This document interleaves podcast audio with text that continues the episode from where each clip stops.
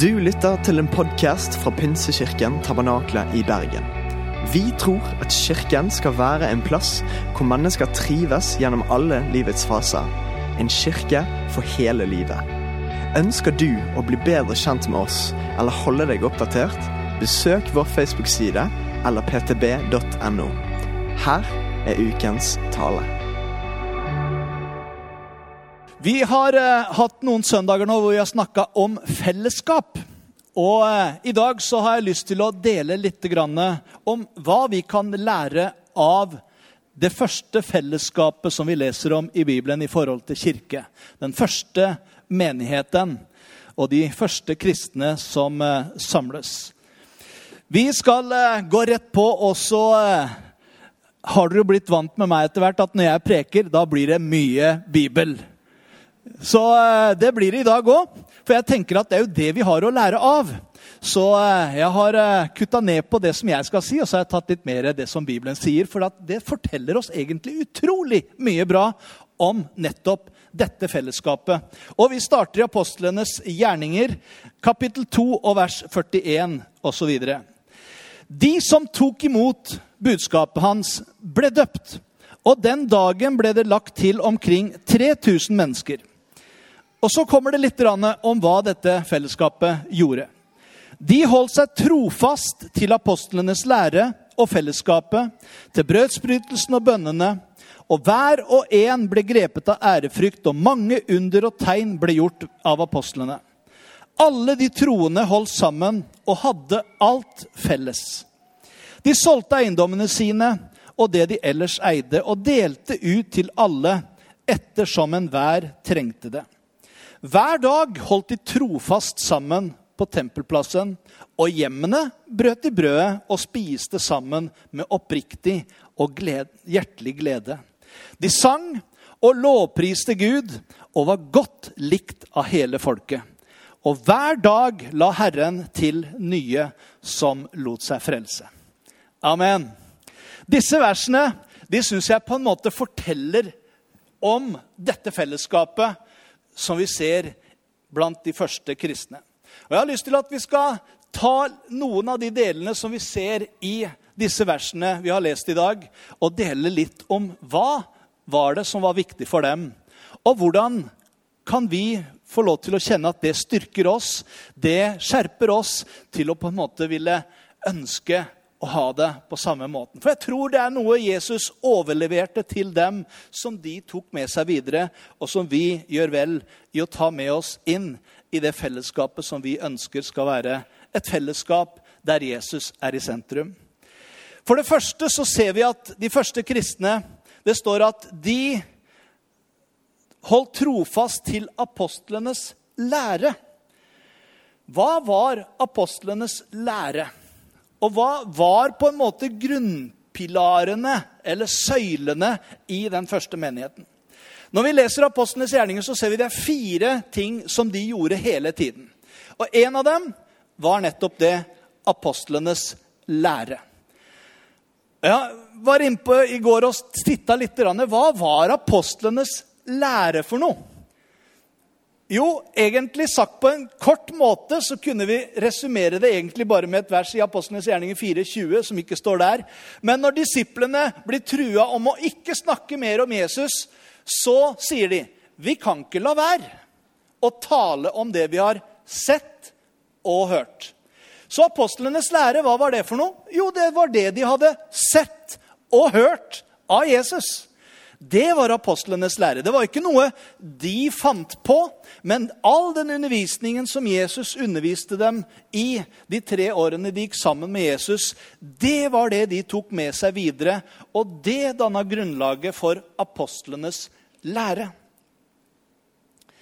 Apostlenes gjerninger 10 så ser vi litt hvordan Peter resumerer dette hjemme hos Kornelius. En eh, offiser eh, som eh, ikke var av jødisk avstamming, men som møtte Jesus spesielt. Så sier han når han kommer hjem til dem, dere kjenner det ord som ble sendt til Israels barn, med evangeliet om fred ved Jesus Kristus. Som han som er alles herre Da refererer han til profeten og det som var snakka om om Jesus i forkant. Dere vet om det som begynte i Galilea etter at Johannes hadde forkynt sin dåp, og som siden spredte seg over hele Judea, nemlig at Jesus fra Nasaret ble salvet av Gud med Den hellige ånd og kraft, og at han gikk omkring overalt og gjorde godt og helbredet alle som var underkuet av djevelen, for Gud var med ham. Og vi er vitner om alt han gjorde rundt omkring i jødenes land og i Jerusalem, han som de hengte på et tre og drepte. Men Gud reiste han opp den tredje dag og lot han tre synlig fram. Står det videre i 42. Og han bød at vi skulle forkynne for folket og vitne at han er den som Gud har satt til dommer over levende og døde.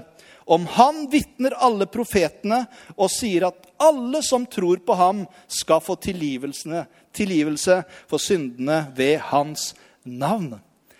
Jeg syns at disse versene her oppsummerer noe av det som var apostlenes lære. Enkelt fortalt hva var essensen i apostlenes lære? Jo, at Jesus ble sendt fra Gud, at han døde for våre synder, at han ble lagt i en grav, men han sto opp igjen fra de døde, at han lever i dag, og at ved hans navn så er det frelse og nåde for alle. Det var en kort resymé av hva apostlenes lære egentlig handlet om. Det andre som eh, den første menigheten holdt fast på, det var samfunnet. Deres tro på Jesus og kjærligheten til hans ord holdt dem sammen. Og menigheten var en åndelig familie der man elsket hverandre, man hjalp hverandre, man oppmuntret hverandre, man styrka hverandre til fortsatt etterfølgelse og lydighet til Gud. Det tredje som du ser som en tredje søyle i dette byggverket, som var den første kirke, var nattverden. Og nattverden var ikke noe sånn som man egentlig bare liksom hang på. Nei, det var en viktig del av det å komme sammen.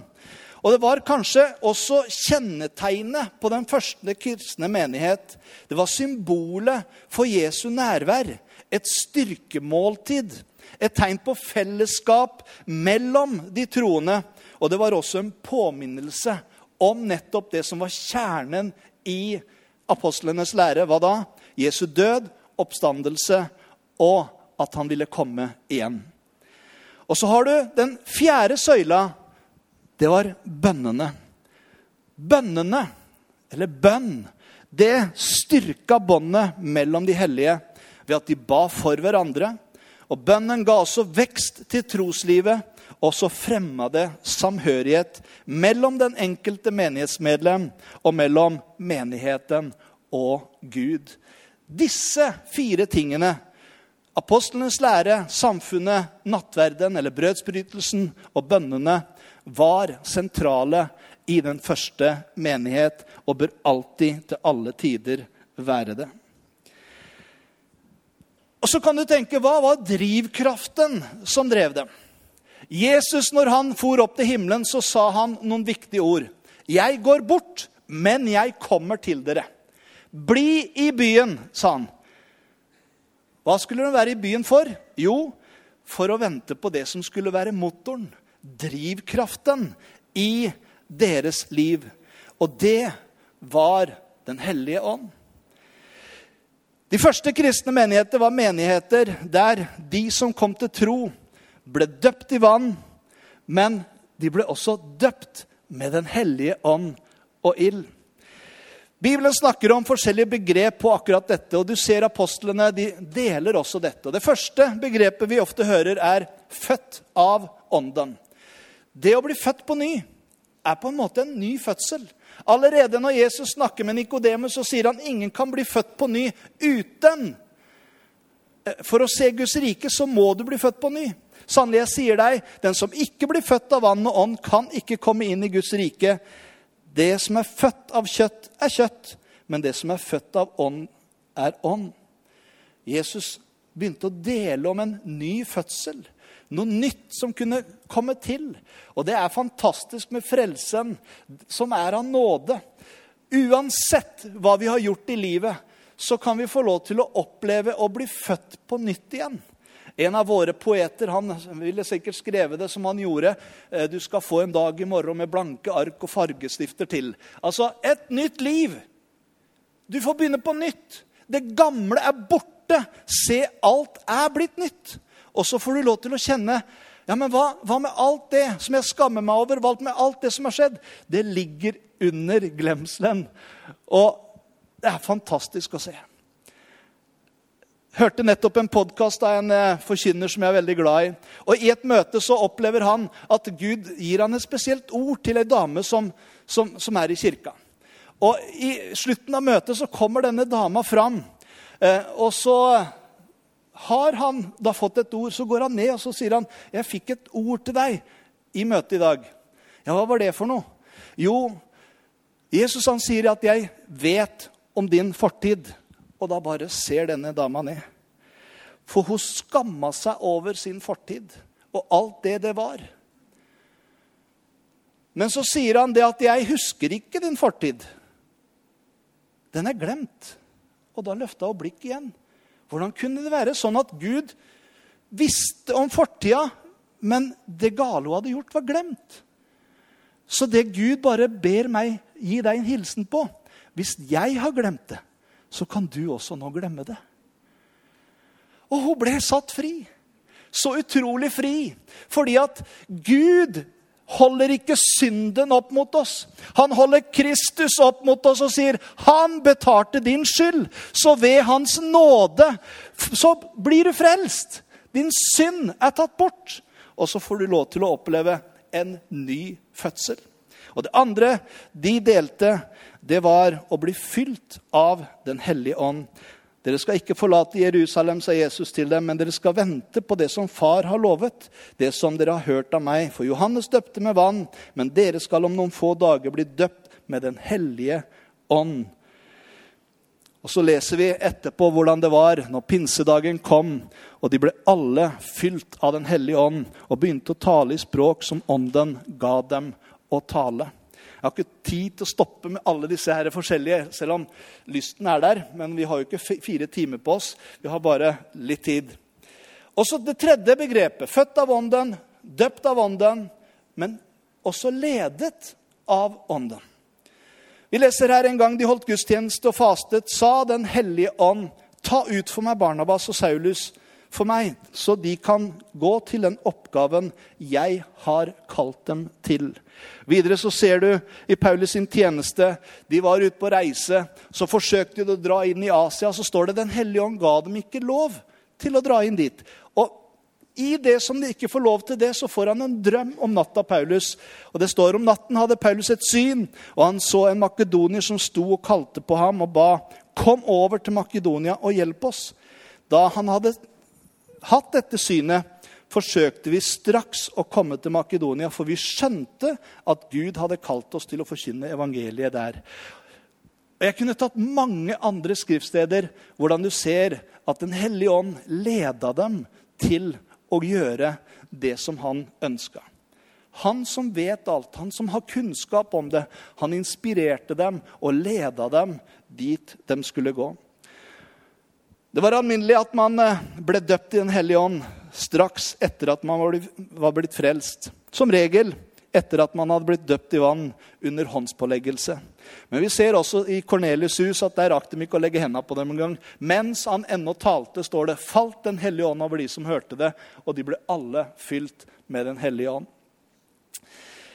Det som vi også ser, er den iveren den første kirke hadde etter å dele troen og det å gjøre disipler.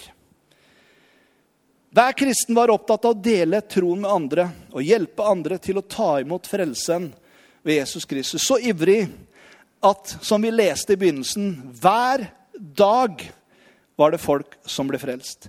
Gå derfor ut og gjør alle folkeslag til disipler, var befalingen Jesus hadde gitt dem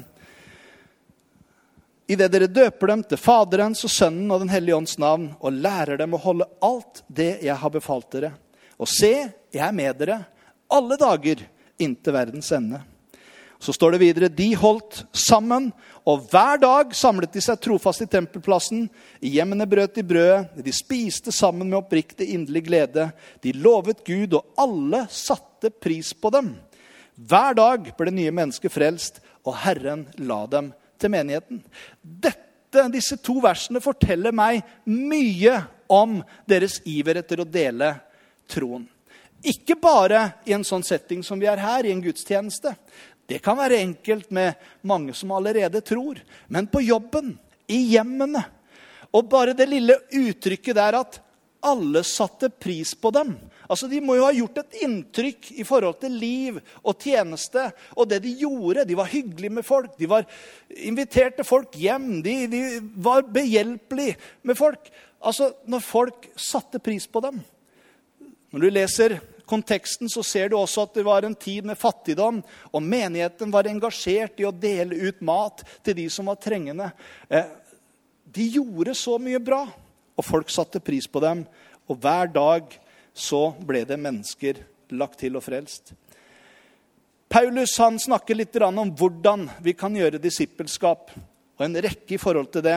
Han sier til sin sønn i troen Timoteus.: Vær da sterk, mitt barn, ved nåden i Kristus Jesus. Det du har hørt av meg, i mange vitners nærvær, skal du gi videre til pålitelige mennesker som igjen er i stand til å undervise andre. Her har du fire forskjellige personer.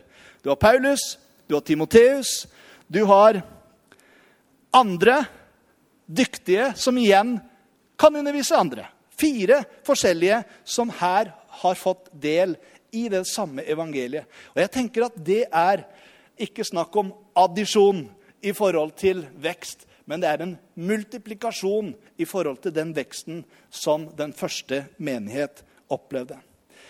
Og så ser du hvordan tjenestegavene, hvordan evnene til hver enkelt kom på sin plass du ser hvordan Paulus i Romerne snakker om menigheten som en kropp med forskjellige lemmer, som hver lem har et ansvar på kroppen. Og på samme måte så er også menigheten et slik en kropp hvor Jesus er hodet for kroppen, men hvor vi alle har hver våre gaver og tjenester. Og Vi eh, leser i, andre, i 1. Korinterbrev 12, der står det Hos hver enkelt gir Ånden seg til kjenne, slik at det tjener til det gode. Altså, Han gir inn noe til oss. I Efeserne 4, 11 så står det Og det var han som ga noen til apostler, noen til profeter, noen til evangelister, noen til hyrder, eller pastor, som det også hyrde betyr. Det betyr egentlig hyrde på spansk eller på latin. Det er pastor. Lærere for å utruste de hellige til tjeneste, så Kristi kropp bygges opp inntil vi alle når fram til enhet i troen på Guds sønn og i kjennskap til ham, og blir det modne mennesket som er fullkomment og har hele Guds fylde. Her leser vi om tjenestegaver, som vi heller ikke kan gå inn i detaljer på alle, men som Gud har satt i menigheten for å dyktiggjøre de troende til tjeneste. Og så har han også gitt menigheten nådegaver. Og det er ikke en og annen som har en nådegave. Nei, det står at han har gitt oss det etter det som er ganglig, etter det som er behov.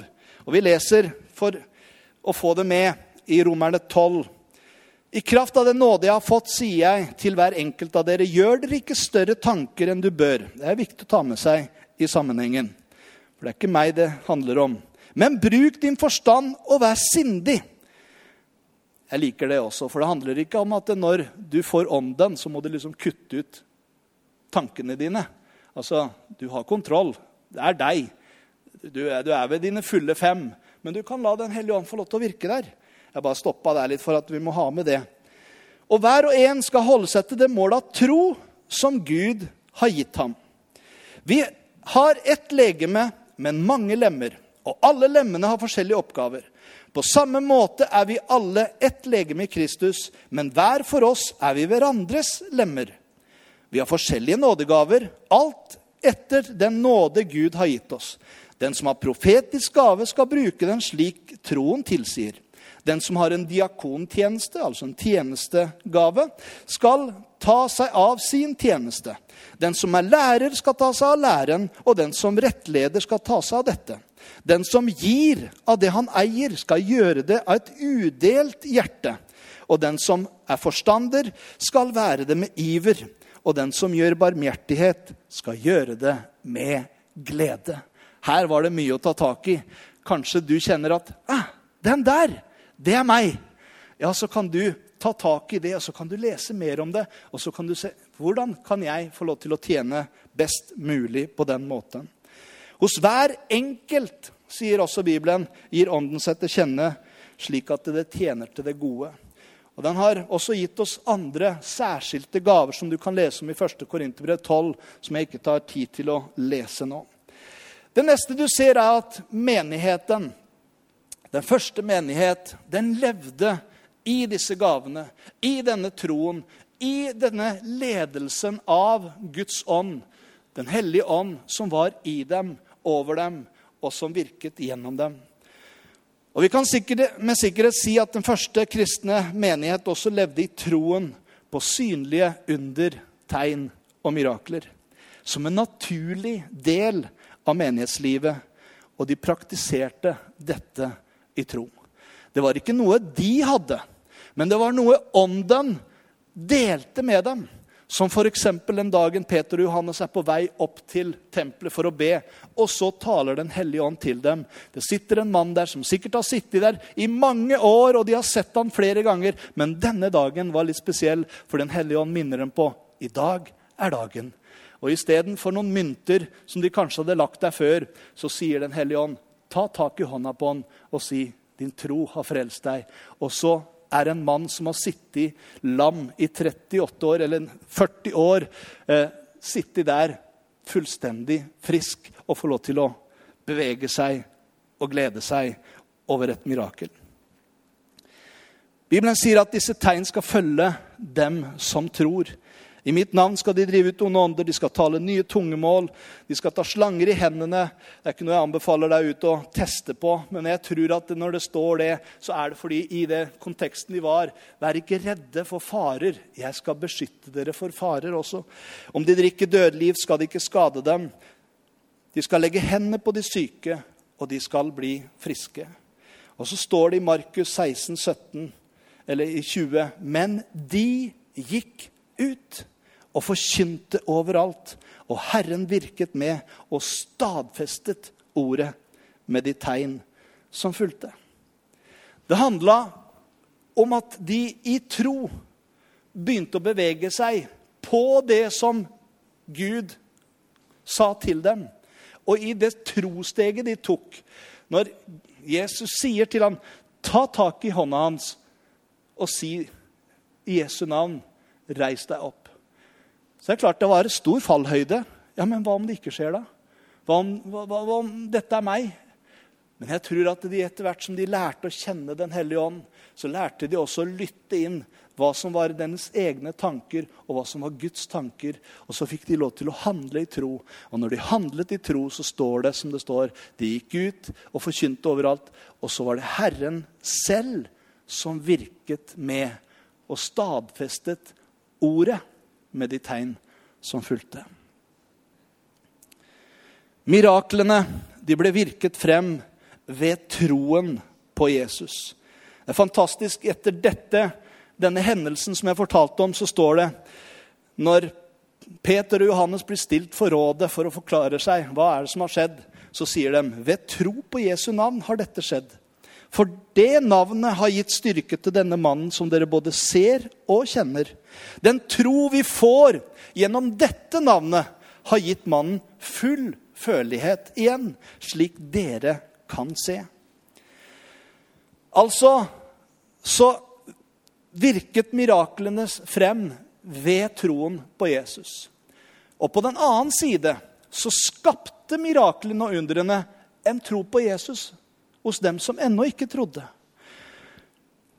Vi ser her at etter at de hadde blitt sluppet fri, så samles det en svær flokk utenfor for å høre hva var det som hadde skjedd, og for å se denne mannen som hadde sittet der i 40 år, nå løpe rundt. så står det i kapittel 4 og vers 4 i Apostlenes gjerninger Men mange av dem som hadde hørt budskapet, kom til tro. Og tallet på menn var omkring nå på 5000. Tenk det vekkelsesmøtet og den responsen i forhold til et under som hadde skjedd. Også på den tiden så var det en del som reagerte negativt på det som skjedde. De fins jo overalt. Det er ikke bare etter at Facebook og nettsider kom, at liksom de, de, kritikerne er der. Nei da, det, det, det, har alltid vært der. Og Det interessante er at ofte religiøse mennesker er de verste. Håper ikke du blir støtt av det, for du er jo ikke religiøs. vil jeg håpe. Men du er en troende på Jesus. Men de religiøse de irriterte seg over dette. Og de tok dem ofte inn men miraklene fikk folk til å sperre øynene opp og gjorde det slik at de begynte å undersøke nærmere hvordan dette kunne ha seg. Og på den måten ble det åpent for forkynnelse. Når de kom sammen, så var det for å ære Gud og opphøye Gud sammen. Gudstjenestelivet var veldig spesielt. Vi leste i begynnelsen både i tempelet og i hjemmene. Det var noe som var viktig. Og når de kom sammen i tempelet så, eller hjemmene, så var det for å dele det Gud hadde gitt dem. 1. Korinterbrev 14 så står det når dere kommer sammen, har en en salme, en annen et ord til lærdom. En har en åpenbaring, en tungetale, en annen en tydning. Men så står det noe viktig til slutt. Men la alt skje til oppbyggelse. Vi blir eh, kanskje forbauset også når vi ser den friheten som råda i den første menighet. Spesielt i forhold til lovsang, sang og musikk. Men det var likevel en åndens orden der som var veldig spesiell. Og lovsangen var kjempeviktig. Efeserne 5 oppmuntrer Paulus oss. Drikk dere ikke fulle på vin. Det fører til utskeielser. Men bli heller fylt av ånden. Og syng sammen. La salmer, hymner og åndelige sanger lyde. Syng og spill av hjertet for Herren. Og takk alltid Gud og Far for alt i vår Herre Jesu Kristi navn. Et par ting til til slutt i forhold til deres liv og den første menighet og det første fellesskapet. Det var viktig for de første kristne å leve et hellig liv som skulle gjenspeile hvem de fulgte, hvem de trodde på. Vi er et tempel for Den hellige ånd, underviser Paulus og sånn. Vet dere ikke at kroppen deres er et tempel for Den hellige ånd, som bor i dere, og som er fra Gud? Dere tilhører ikke lenger dere selv. Dere er kjøpt og prisen betalt. Bruk da kroppen til Guds ære. En annen ting som du leser igjen og igjen av oppmuntring det var at når ting går galt mellom dere, når av og til det er vonde ting som oppstår mellom dere, så bekjenn for hverandre. Be for hverandre. Gjør opp. Ikke la noe bitter rot komme dit og skade. Og I Jakob 5 så leser vi 'bekjenn da syndene for hverandre' og be for hverandre, så dere kan bli helbredet. Et rettferdig menneskes bønn er virksomt og utretter mye. Vi har mange andre praktiske måter og hvordan du skal gjøre det på, om du lurer på det. Det står er det noen som har begått en synd mot deg, så gå du til den og snakk med den. Og Vil den ikke høre, så ta med deg én, og så prøver dere en gang til. Og Går ikke det, så, så ta med deg litt flere, og prøv igjen. Altså Du ser den iveren etter at la ikke det bare bli der og skape vondt. Men forsøk å bygge inn en tilgivende ånd. Strekk deg langt i forhold til det. Og jeg tror hensikten med dette hellighetslivet i den første menighet, var at den skulle bevares ren og hellig, så den kunne være et sant bilde av Kristus til verden. Som lydige barn skal dere ikke lenger la dere lede av de lystne dere fulgte en gang dere levde i uvitenhet. Han som har kalt dere, er hellig. Slik skal også dere være hellige i all deres ferd. For det står skrevet dere skal være hellige fordi jeg er hellig. Dere påkaller Gud som far, han som ikke gjør forskjell på folk, men dømmer enhver etter hans gjerninger. Da må også da må dere også leve i Guds frykt den tiden dere ennå er her som fremmede. Så jeg har lyst til å ta med en formaning fra Paulus til romerne om hvordan skal det kristne livet være. Og dette kan være en oppgave for oss i dagene som ligger foran. Vis oppriktig kjærlighet. Avsky det onde og hold dere til det gode. Elsk hverandre inderlig som søsken. Sett de andre høyere enn dere selv. Vær ivrige og bli ikke slappe, men brennende i ånden.